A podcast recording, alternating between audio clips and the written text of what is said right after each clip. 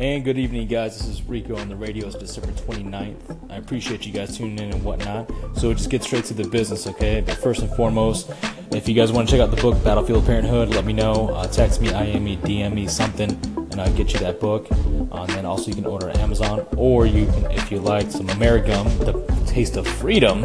Uh, you guys can hit me up as well, and I'll get you some pack over there as well, okay? All right. So today's topic is about returning as an operator, right? From uh, from war or a couple rotations and whatnot. And what I've noticed is one of three things is going to happen. Either your body's going to give out and you're you kind of just start checking out because you want to operate in such a high op tempo that you want to be out there with your guys, kicking ass and taking some fucking names, or a life event happens and you say, "Hey, I don't know if this is going to fill my family," and you have to make a tough decision because and you're not looking at it from a narcissistic point of view, you're more so looking at it from a selfless point of view, not selfish. If you go out there and you continue to say, I'm going to continue doing this for the family, that's great. But if you continue to do it for yourself, you're feeding your own ego, and probably your ego is kind of small.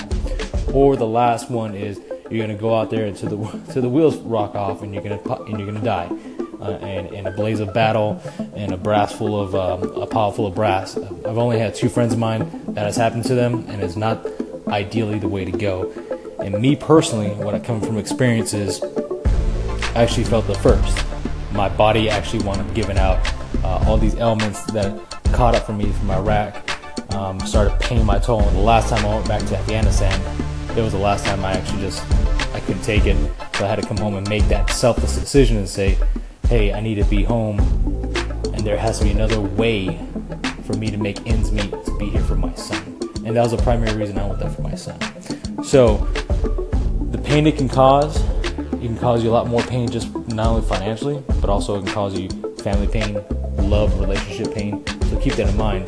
And what you're doing whenever you go out there and you come back and you go out there and you come back, what I'm seeing one of my friends do all the time is he's having to press that reset button all the time he's living that life though of that sexy, that great, that that awesome life of being a gun-toting, barrel-chested, big bearded son of a bitch, and he's awesome.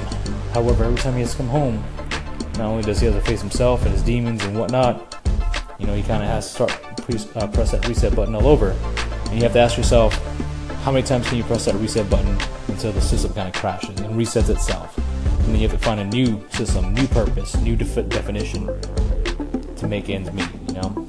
So I personally actually took a pay cut, a huge pay cut, and now I make more money doing what I do, which I mean, I love what I do. However, I would love to go back and do being an operator, but it doesn't really make any sense financially and also mentally, spiritually, emotionally. So here's the tactical exercise guy, right? If you find yourself, you're like, hey, I want to go be, I want to go work for Blackwater, I want to go work for Triple Canopy, DynCorp, all the big Walmart ones, right?